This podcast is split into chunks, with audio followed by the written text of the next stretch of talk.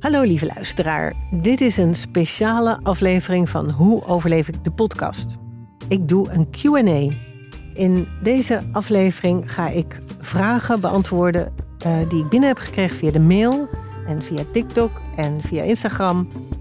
Voor deze aflevering heb ik een hele fijne sidekick en dat is Esther, de producent van deze podcast.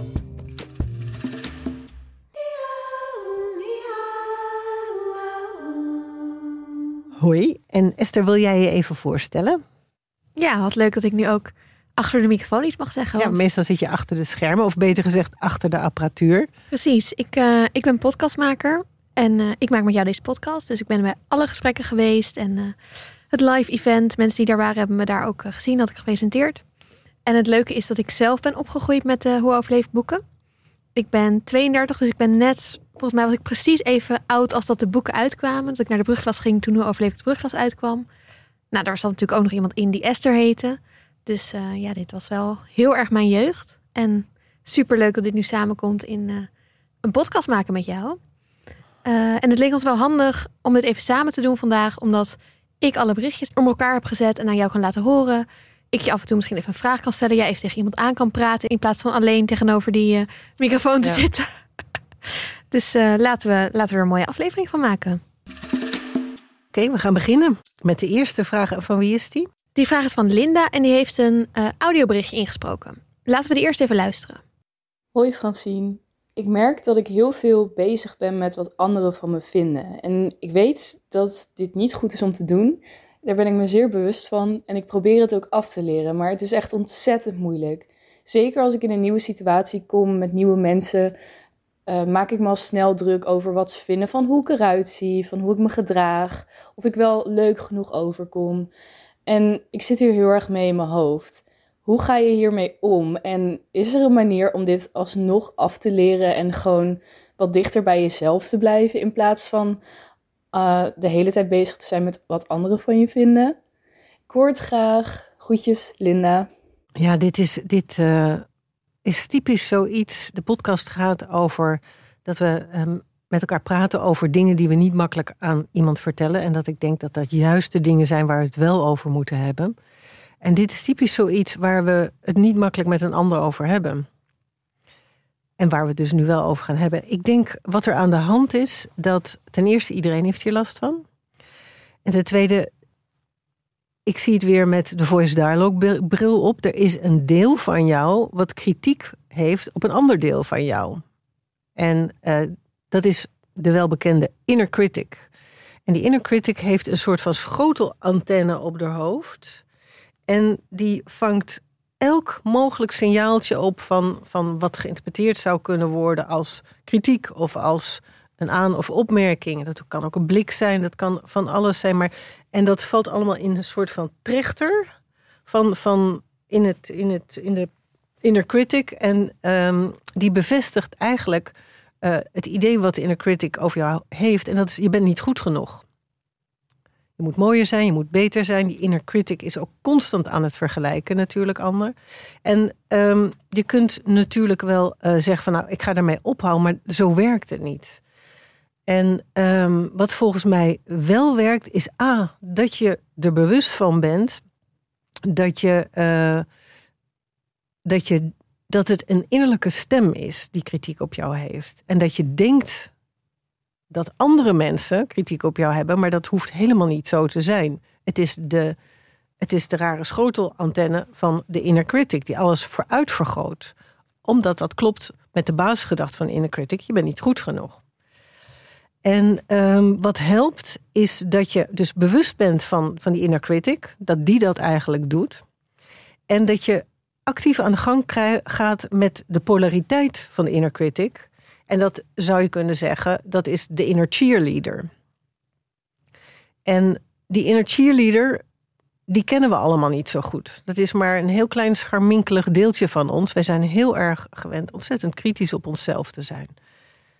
En um, dus die inner cheerleader moet spierballen krijgen. En die maakt jou het leven veel aangenamer dan die inner critic. Dus wat je kunt doen is elke keer als je jezelf betrapt op zo'n gedachte van oh, ik ben niet goed genoeg, ik ben niet mooi genoeg. Ehm, dat je je vergelijkt met een ander, dat je je aantrekt over wat je denkt dat de mening van een ander is. Want vaak klopt dat helemaal niet. Het is een interpretatie. Dus bijvoorbeeld op het moment dat je denkt van, ehm, ik ben stom. Oh ja, zie je, ik ben gewoon echt hartstikke dom. En mensen denken dit en dat ook. Dat je die gedachte als het ware opvangt voor de schotelantenne weg. Dat je um, je inner cheerleader die gedachte laat omdraaien meteen. En dan moet je niet zeggen, ik ben niet stom, want je hersens onthouden het woord niet. Ik ben slim, ik ben leuk, ik ben goed genoeg, ik ben slim genoeg, ik kan dat. Dus elke keer, dus het een kwestie eigenlijk van bewustzijn. Bewustzijn dat het de inner critic is die, die dat denkt. En actief de inner cheerleader de gedachten om laten draaien. En op een gegeven moment zul je zien dat dat uh, veel makkelijker gaat. Dat die inner cheerleader spierballen krijgt. En op een gegeven moment houdt het op, wordt het minder en minder. En nou, dan heb je naast een inner critic een inner cheerleader geïnstalleerd. Dus je moet hem eigenlijk trainen. Ja. en die inner critic in onze maatschappij is, heeft gigantische spierballen. Die heeft een conditie van hier tot Tokio. Die is dag en nacht is die actief. Maar die inner cheerleader, dat, ja, heb jij een inner cheerleader? Ik heb hem wel, maar uh, ja, ik herken. Ik vond dit een super herkenbare vraag. Ja. Inderdaad, dat je mensen hoort of dat je denkt dat iemand iets over jou denkt, Mhm. terwijl het eigenlijk iets is wat je, nou ja, zoals jij zegt, waarschijnlijk over jezelf denkt en alleen maar bang bent dat iemand anders dat denkt. Ehm, wat ik zelf ook wel heb geleerd, of in ieder geval wat mij heel erg helpt, is om je ook te realiseren dat andere mensen dit dus ook allemaal hebben en dat ze eigenlijk andere mensen net zoveel bezig zijn met zichzelf als jij en dus niet zoveel met jou. Nee. Dus dat andere personen zelf ook de hele tijd denken: oh nee, wat vindt iemand hiervan? En dus niet denken: oh, ik vind die persoon echt stom. Nee, daar hebben ze geen tijd uh, voor, omdat veel te druk met hun Met eigen. precies. Ja, en dat vind ik wel een goede realisatie. Dat ik soms denk: oh ja, ik ben, de hele, ik ben zelf helemaal niet bezig met wat andere mensen de hele tijd aan het doen zijn. Nee, En andere mensen dus ook niet met mij. nee. Het is dus eigenlijk een enorme projectie. En Ja. het, is gewoon die, het is gewoon een truc van die inner critic. En die inner critic, die heeft natuurlijk wel een doel. Die denkt van, als ik nou maar heel erg slim ben en heel erg goed, en heel, dan ben ik veilig. Dat is mijn bestaansrecht dan. Dus die inner critic is eigenlijk stiekem een heel onzeker typeje. Ja, dus eh, oké. Ehm, ik ga mijn inner, eh, inner cheerleader trainen. Ja.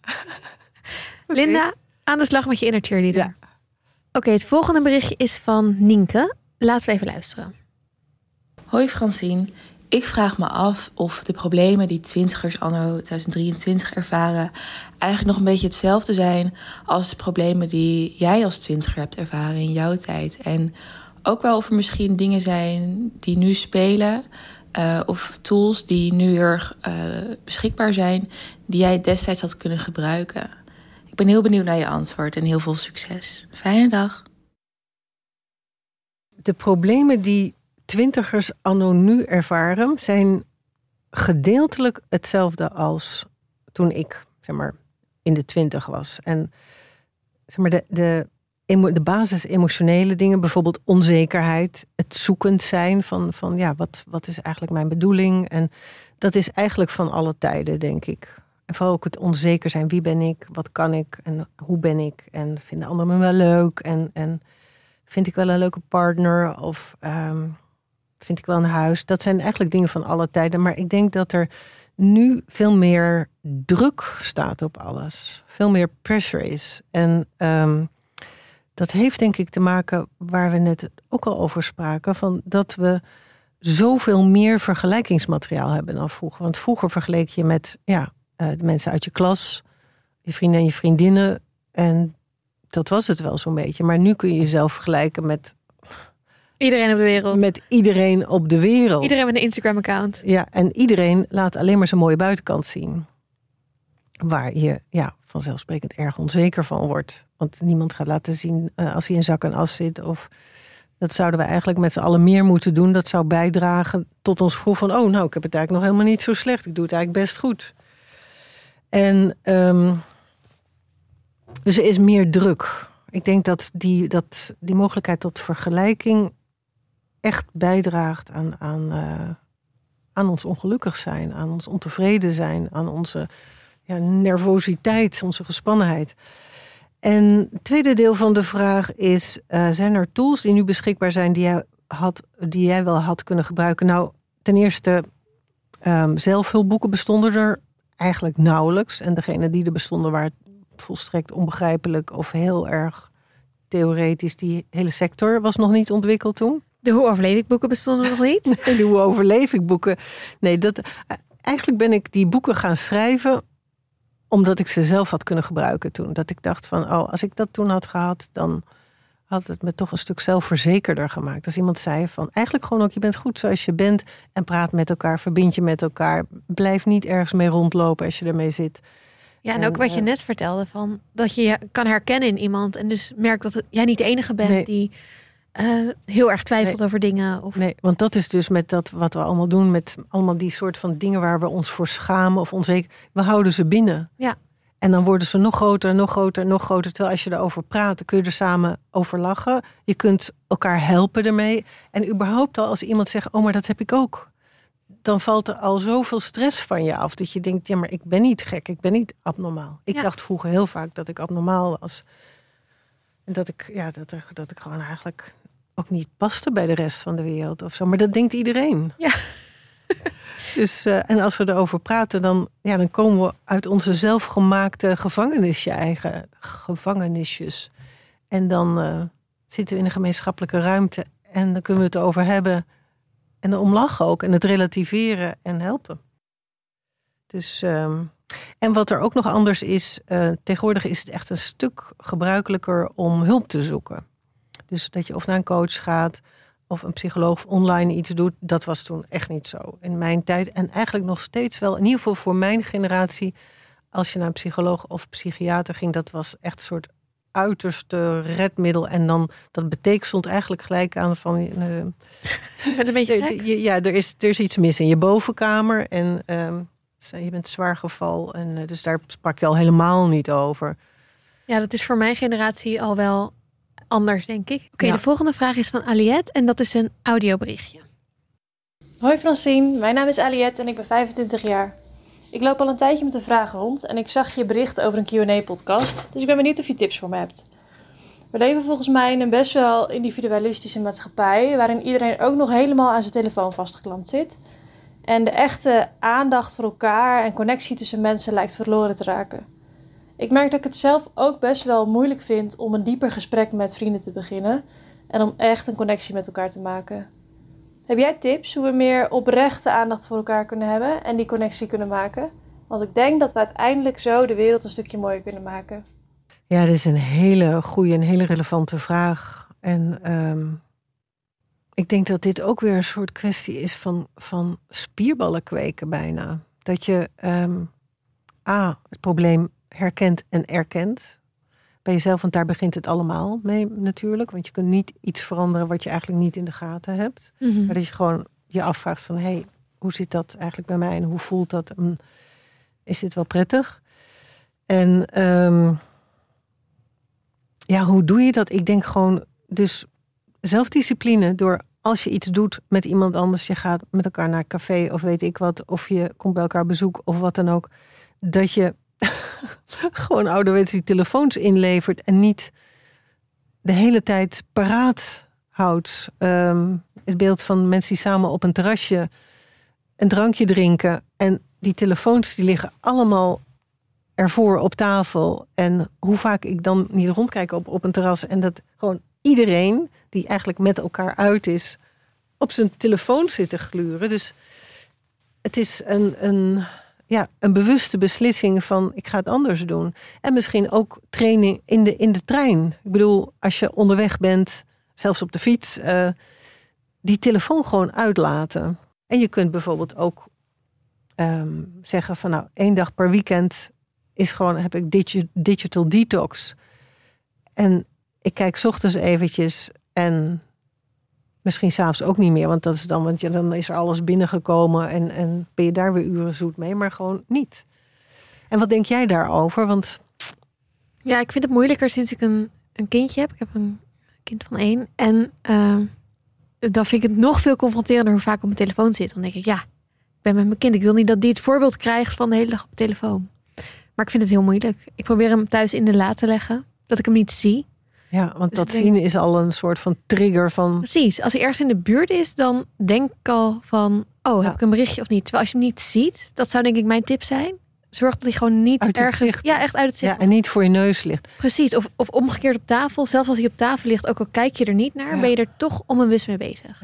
Ik heb er ook heel veel last van hoor. Ik merk ook gewoon dat ik hem... En dat is echt heel gênant, bijna, bijna de hele dag in mijn buurt heb. Ja. Dat bijna als ik van de ene naar de andere kamer ga, dat ik telefoon meeneem. Dat En is naar de echt, wc. ja, dat is echt Erg. alarmerend is dat. Ja. En de vraag is natuurlijk ook, en ik ben heel erg fan van de waarom-vraag. Waarom doen we dat? En het eerste wat, wat in mij opkomt is fear of missing out. Ja. En wat komt erbij? Waarom denk jij dat we het doen?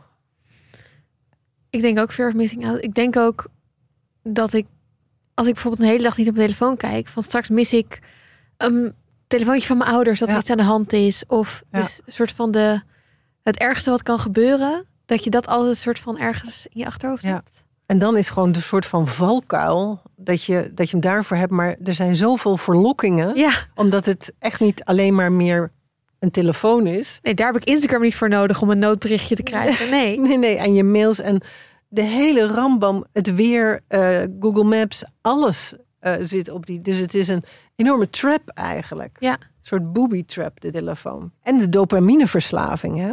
Ja, nee, dat, het is bedoel een soort dat- drugs bijna. Ja, het is gewoon echt. Letterlijk hebben ze ook onderzocht. Er komen telkens shotjes dopamine vrij. En daar ben, we zijn als junkies verslaafd aan die dopamine. Het is ook van. Ook met het krijgen van berichtjes. Ik krijg berichtjes, dus ik besta. Een soort van. Het heeft ook te maken met Bevestiging. bevestigen bestaansrecht. Heb jij eh, tactieken om er minder op te zitten? Ben je er bewust mee bezig? Ja, nou ook weer die, die spierballen kweken. Ik ben er best wel slecht in, om eerlijk te zijn. En zeker nu ik eh, gewoon ook weer druk bezig ben met mijn boek. En eh, veel meer zakelijke dingen heb in mijn Met leven. mij de hele tijd moet appen met over jou de de, hele tijd ja. moet. Ik wil niks van Esther missen. ja, en ik niks van jou. Nee. nee, dus maar eh, ik vind die van jou, ik ga die van jou doen gewoon niet meer dat dat ding inderdaad wat, wat, eh, wat eh, hoe heet ze? Aliet. Ali- Aliette zegt vastgeplakt aan mijn, aan mijn dat het een verlengstuk eigenlijk is van je lichaam, dat ik hem gewoon weg ga leggen in een la. En, ehm, en ik denk eigenlijk ook dat ik afkikverschijnselen ga krijgen. Ja, dat Echt heb ik ook. letterlijk.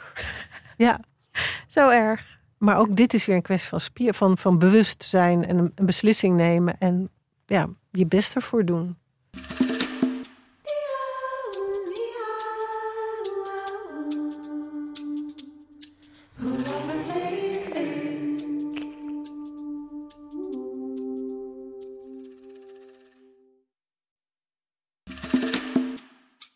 Oké, de volgende vraag heb ik uitgekozen omdat ik weet dat jij hier eh, veel over kan vertellen. En het is een vraag van Fleur en daar zit geen eh, audioberichtje bij, dus ik ga hem even voorlezen. Mhm. Fleur zegt: Ik ben al sinds mijn zestiende aan de pil. En ik heb het veel met vriendinnen over of we daar eigenlijk niet mee moeten stoppen. Omdat we allemaal dingen lezen over de verschillende bijwerkingen. Hoe overleef ik, en dan dus haakje zonder anticonceptie? Ja, dat is een hele, hele belangrijke vraag. En ook tegelijkertijd een hele moeilijke en complexe vraag. Eh, want enerzijds ehm, de uitvinding van hormonale anticonceptie. Dat is dus niet alleen de pil, maar ook de Nuvaring. eh, Zo'n staafje wat je kunt implementeren. Er zijn een pleister. Er zijn allerlei vormen van hormonale anticonceptie. Ehm, dat bestaat pas sinds eind 60er jaren. Dus ehm, helemaal niet zo lang. Eh, enerzijds heeft dat ontzettend geholpen met de emancipatie van de vrouw. Dat we nu kunnen gaan studeren en eh, carrières hebben en werken. Dat had zonder de uitvinding van de pil gewoon niet gekund. En er zijn relatief gezien heel weinig studies gedaan aan de bijwerkingen, de neveneffecten van het gebruik van de pil op langere termijn. Het bestaat nog maar heel kort. Maar ze komen er meer en meer achter dat er echt inderdaad serieuze permanente bijwerkingen zijn. Vooral als je jong aan de pil gaat. Tegenwoordig is het eigenlijk zo dat je heel vaak al op je veertiende aan de pil gaat. Zelfs al is het bijvoorbeeld voor hoofdpijn of voor acne of voor mood swings of omdat je erg bloedt. De dokter geeft jou heel makkelijk recept voor de pil, maar zegt er bijvoorbeeld niet bij dat ehm, eigenlijk je persoonlijkheid verandert erdoor, maar ook dat het ehm, permanente veranderingen in je brein veroorzaakt.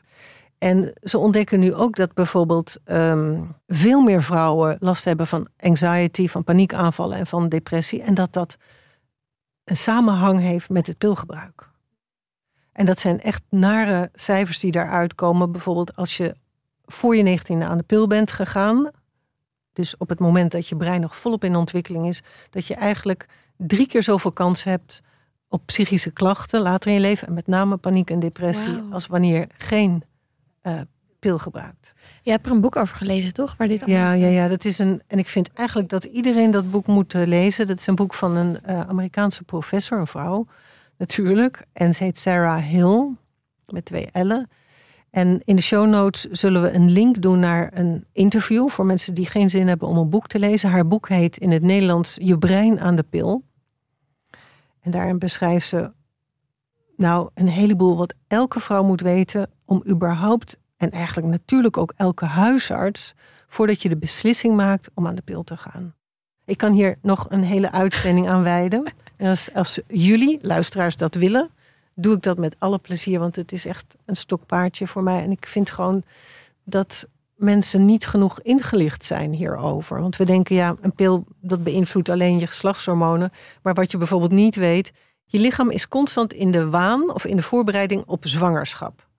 Dus ehm, je neemt weinig risico's, je bent voorzichtig. Het schijnt zelfs dat je de, de keuze van partners daardoor... Nou, dat schijnt niet zo, dat is helemaal ook bewezen. De keuze van een partner wordt erdoor beïnvloed. Vrouwen die aan de pil zijn, eh, kiezen over het algemeen voor minder masculine mannen.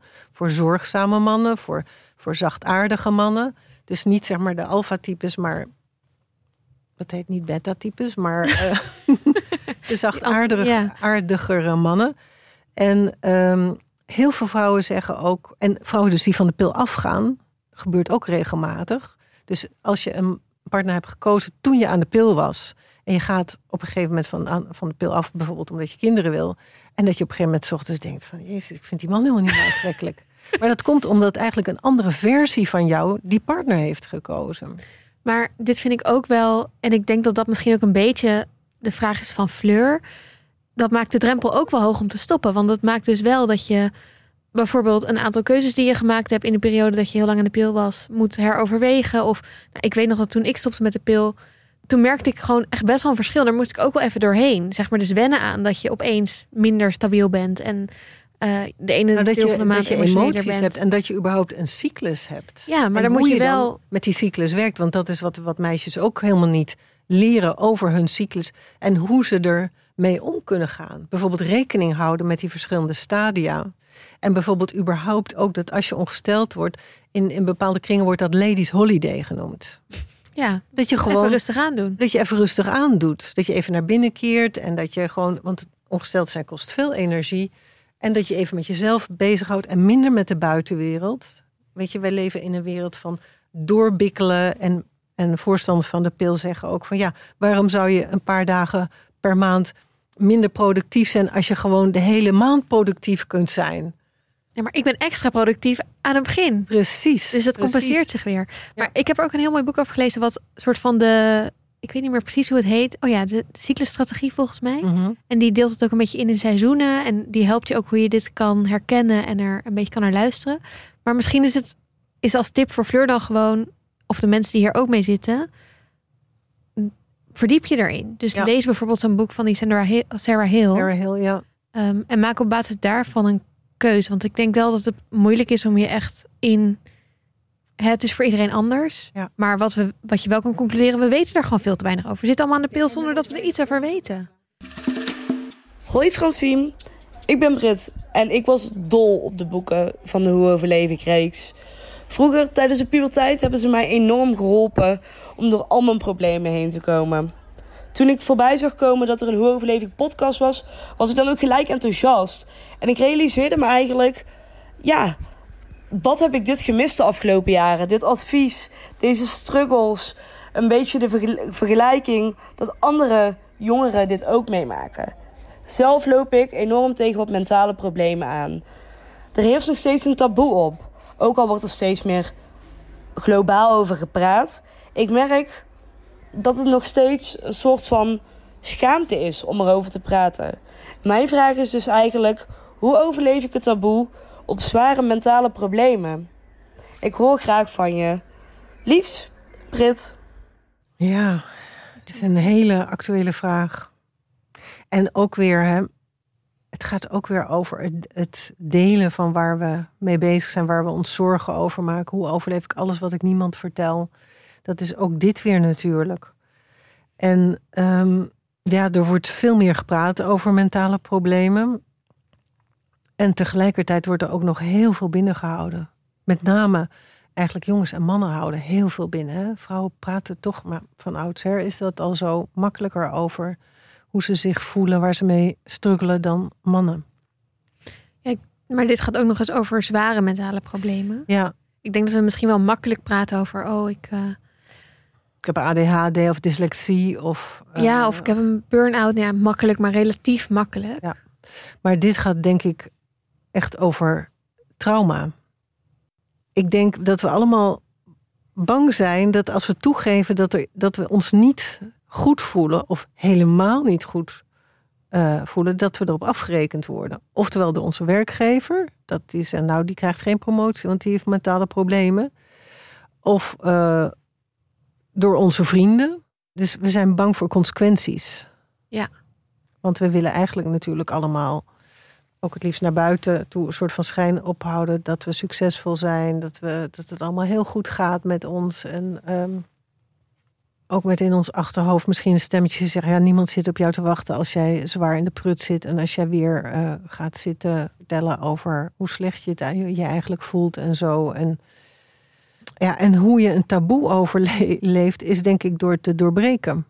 Dus om het wel te delen zelf. Ja, door het wel te delen. En ja, toch weer gewoon dat met elkaar over praten en jezelf informeren. En um, wat denk ik heel belangrijk is, en dat kan ik ook niet genoeg benadrukken, dat in deze tijd, als je mentale problemen hebt, dat je denkt, of jou wordt eigenlijk wijsgemaakt, verteld dat jij eigenlijk een soort stoornis hebt.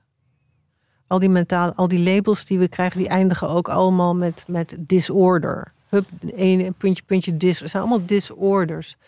Maar ik denk dat al die mentale problemen, die komen ergens vandaan die zijn een reactie op iets. En eigenlijk, dat, zoals ik er naar kijk, zijn uh, mentale problemen zijn eigenlijk overlevingsstrategieën. Het zijn adaptaties. Dus bijvoorbeeld depressie, wat veel voorkomt, is in feite een overlevingsstrategie. klinkt heel raar. Het klinkt als een stoornis, als een probleem. Maar dat is het niet. Het is eigenlijk als je depressief bent, voel je heel weinig. Je bent een soort afgesneden van van je omgeving. Je voelt geen vreugde meer. Je voelt ook eigenlijk niet echt heel veel heftig verdriet, heftige emotie. Je wordt ook een soort flatliner. Een soort van, alles is een soort van grijze mist verdwenen. En het kan je allemaal niet meer zoveel schelen. En, maar dat is een overlevingsstrategie. Een manier van je systeem om niet te veel meer te hoeven voelen. De vraag is altijd heel interessant. Als je dus een zogenaamde stoornis hebt, de vraag stellen van hoe heeft deze, dit gedrag mij geholpen te overleven? Maar als we het hebben over taboe erop, ehm, dan komt ook wel in mij op dat het ook best wel moeilijk is om, om te reageren op als iemand het met je deelt. Ja. Dus dat misschien dat ook nog een drempel is voor mensen om het om er wel makkelijk. Hè, als je zegt we moeten taboe er preken, dus we moeten het met elkaar delen. Mhm. Ja, hoe praat je er dan hoe over? Hoe praat je daarover? Ja. Dat is best wel moeilijk. Ja. Weet je, het, het, het, het, sluit eigenlijk ook weer aan op de vorige vraag. Hè? Dat van hoe maken we beter connectie met elkaar? Ja, dat denk ik ook. Bijvoorbeeld, wat denk je van tijd voor elkaar nemen? En niet genoegen nemen met vragen: hoe gaat het met je? Ja, goed, prima met jou. Ja, dus doorvragen. Ja, doorvragen en de tijd voor elkaar nemen. En, um, en ik denk ook dat het zo werkt als jij eerlijk bent over wat er werkelijk in jou speelt, dus een open en eerlijk en kwetsbaar antwoord geeft, dan geef je die ander ook een soort permissie om zich te openen naar jou toe. Dat je werkelijk gewoon present bent, dat je aanwezig bent en mensen aankijkt en rust ervoor neemt en niet zoiets van, nou, het, het is een soort van uh, beleefdheidsdingetje. Hoe gaat het met je? Ja, goed hoor, doei. podcast. ehm, maar, maar gewoon laat weten, ik ben er voor jou. En ik, ik ben geïnteresseerd in jou en ik heb de tijd voor jou. En ik wil echt gewoon graag weten hoe het met je is. Het is ook wat jij steeds zegt in de introductie van de podcast. Of eigenlijk ook vaak tegen mij hebt gezegd in het eh, plannen van de podcast. Van ik wil echt een gesprek voeren. Ja. Ik wil echt weten hoe het met iemand gaat en wat erachter zit. En En ik vind de, bo de, de buitenkant, de oppervlakte, is niet interessant. Want daaronder zit ook eigenlijk zoveel emotie en gevoelens en vaak eenzaamheid en, en eh, allerlei moeilijke, nare gedachten. En waar mensen alleen mee zitten. Volgende berichtje is van Lieke. En die zegt: Hoi Francine, hier ook een groot fan. Ik heb de Hoe overleef ik boeken gelezen en ik kan niet wachten tot je volgende boek. Ik luister graag naar de podcast. Nou, leuk. Je had het erover dat eh, je trauma door zou kunnen geven aan je familie. Wat als je een seksueel trauma hebt gehad en je dit trauma niet door wil geven aan de volgende generatie? Ook best een moeilijke vraag. Ja, ik denk dat eh, Lieke ehm, mijn eh, laatste boek is dat, eh, heeft gelezen. Dat is een, een autobiografisch graphic novel. Die heet Hoe overleven we? En daarin, dat is eigenlijk een reisverslag van mijn eigen zoektocht eh, naar intergenerationele overdracht. En dat is de patronen die van generatie op generatie worden doorgegeven. En ehm, in mijn geval, ehm, ik heb ehm, seksueel misbruik in mijn, in mijn puberteitsjaren, ehm, hoe noem je dat, gehad? Ervaren. ervaren. En dat heeft allerlei gevolgen gehad op mijn leven. Waar ik overigens met niemand over gesproken heb. Dus zeg maar die boodschap, je moet met elkaar praten over dingen. Vooral over de dingen waar je voor schaamt. En waar je, als je bang bent voor de reacties van andere mensen. Dat is bij mij zoiets waar ik gewoon eigenlijk pas sinds een jaar, wat zal het, een jaar of tien over durf te praten. En al die tijd alleen mee ben geweest. En ehm, ik ben erover gaan praten omdat ik op het sterfbed van mijn moeder, dus dat was het moment dat ik er ben over gaan praten, op het sterfbed van mijn moeder ontdekt heb, heb dat zij op dezelfde leeftijd als ik ook seksueel misbruikt is. En dat dat ook in haar leven allerlei gevolgen heeft gehad. Ik ben opgevoed door haar, dus zeg maar, en dat is intergenerationele overdracht. Dus de manier waarop zij ermee is omgegaan, heeft ze doorgegeven aan mij. Dat is bijvoorbeeld eh, heel veel wantrouwen naar mannen en ehm, het idee dat de wereld een hele onveilige plek is en dat je eigenlijk niemand kunt vertrouwen. En dat, ja, dat heeft ze bij mij met de paplepel ingegoten. En dus ook er niet over praten uiteindelijk. En niet over praten, over zwijgen. Want mijn moeder heeft vroeger dus ehm, de opdracht gekregen, ook met chantage en weet ik wat allemaal, van hier mag je niet over praten. Dit is heel schaamtevol en ehm, hou je mond erover. En, ehm, en dat heeft ze dus ook niet gedaan. En als je dat dan wil stoppen? Zeg maar, En als je dat wil stoppen, ehm, het begint eigenlijk altijd met het erkennen van jezelf. Het herkennen en het erkennen dat het zo is. Dus wat we vaak proberen te doen als ons naar dingen overkomen, is gewoon proberen er niet meer eh, aan te denken. Het Wegstoppen. Het wegstoppen in een donker kamertje. Als je er niet meer aan denkt, gaat het weg. Dat was, is ook heel lang voor ons. Was dat altijd gewoon ehm, ja, wat, wat iedereen deed. Van ja, shit happens. Ehm, onder het tapijt. onder het tapijt en doorgaan. Gewoon niet meer aan denken. Tijd heelt, heelt alle wonden, et cetera. En intussen hebben we geleerd, nu we veel meer weten van de psyche van de mens, dat het gewoon niet weggaat als je er niet aan denkt. Integendeel, de invloed die datgene wat verdrongen is, wordt groter en groter. Want het is gewoon nooit geadresseerd, het is niet opgelost. En het heeft allerlei gedragsveranderingen als gevolg. Zoals wat ik net vertelde. Van ja, een enorm wantrouwen naar de wereld toe eigenlijk. En ook het idee, ik sta er alleen voor. Ik kan eigenlijk niemand vertrouwen. Ook niet om hulp vragen. Ik moet het zelf oplossen. Dat is wat je leert. En hoe je het op kunt lossen is eigenlijk dus het herkennen en het aangaan. Dus niet meer ervan weglopen, wat we meestal proberen, omdat het te pijnlijk is. eh, maar er naartoe te gaan. En het te adresseren, te onderzoeken. En hoe ik dat zelf heb gedaan, beschrijf ik in dat boek Hoe overleven we. Het is helemaal getekend. En daar ga ik op zoek en op bezoek bij de jongere delen van mijzelf die dat trauma hebben meegemaakt. Ja, en die echt letterlijk in in ieder geval zoals je tekent, in een kelder zitten te... De bonken op Ja. de deur laat me eruit. Want ik ben hier alleen. Ik ben bang. Ik heb heel veel last van schuldgevoel. Ik denk dat ik iets fout heb gedaan. En die zijn een soort van bevroren in de tijd. Dus ehm, ik noem het ook wel time travels. Dat je teruggaat. En dan, dat heb, daar heb je vaak iemand anders bij nodig. Dus naar de gewonde delen. En daarvoor zorgt. Eigenlijk voelt wat er te voelen valt. Want een manier van omgaan met trauma is dissociatie, dat je het wegduwt, omdat de emoties daarbij zo groot zijn dat je, zeker als je jong bent, denkt van nou, als ik dit ga voelen, overleef ik niet. Dus ik moet het echt in een soort kooi stoppen, niet meer aan denken. En ehm Dat gebeurt waarschijnlijk ook heel onbewust. gebeurt on, on- onbewust. Het is Ja. een echt de eerste overlevingsstrategie, blokken, doorgaan. Dus je hebt een deel wat gewoon probeert door te leven. En een gewond deel wat ergens in de tijd een soort van bevroren is. Maar van daaruit een enorme invloed op je leven heeft. Ja, ik zou echt iedereen die dit interessant vindt of herkent aanraden om, om het boek te lezen. Hoe overleven we? Ook, hè, jij hebt het heel vaak over die delen in jezelf en, en daarmee in gesprek gaan. Ja. Eigenlijk in dat boek leg je heel beeldend uit, en het is letterlijk getekend, hoe je dat kan doen. En, Als en ik er niks mee gedaan zou hebben. Nou, ik heb er helaas pas laat in mijn leven iets mee gedaan. Ik ben pas op mijn vijftigste in therapie gegaan. Ik wilde dat ik het gedaan had voordat ik kinderen kreeg. In een van de afleveringen die er binnenkort aankomt, geef je ook survival tips hoe je met je ouders kunt praten over dit soort dingen. Of hoe, Ja. je, hoe je dat gesprek begint. Ja. En misschien een tipje van de sluier. Ik vond het een hele goede van jou, een goede tip om eh, dat je dit soort gesprekken misschien wel goed in de auto kan voeren. of tijdens wandelen. Dat je elkaar niet aan, aankijkt. Dat je niet zo recht tegenover elkaar zit van. Ja. Ehm, maar meer tips komen dus nog in de toekomstige Ja. aflevering. Kan je misschien nog iets vertellen over je nieuwe boek? Want er waren heel veel vragen die daarover gingen. Of die mensen die je een berichtje sturen met... eh, oh, ik kijk er zo naar uit en ik heb zo lang eh, Rosa gemist. Mhm. Ehm, ik bedoel, je hoeft niet de inhoud te spoilen, maar het komt dus uit in september. Je kan het al Ja. bestellen Ja, online. je kan het pre-orderen al. Ehm, ja, wat kan ik erover vertellen zonder spoilers? Ehm, nou, ten eerste kan ik vertellen dat ehm, al die mails die ik heb gekregen en de gesprekken die ik heb gevoerd voor de podcast, en die hebben mij heel veel geïnspireerd. Die hebben echt een, zijn een waardevolle bijdrage geweest voor het boek.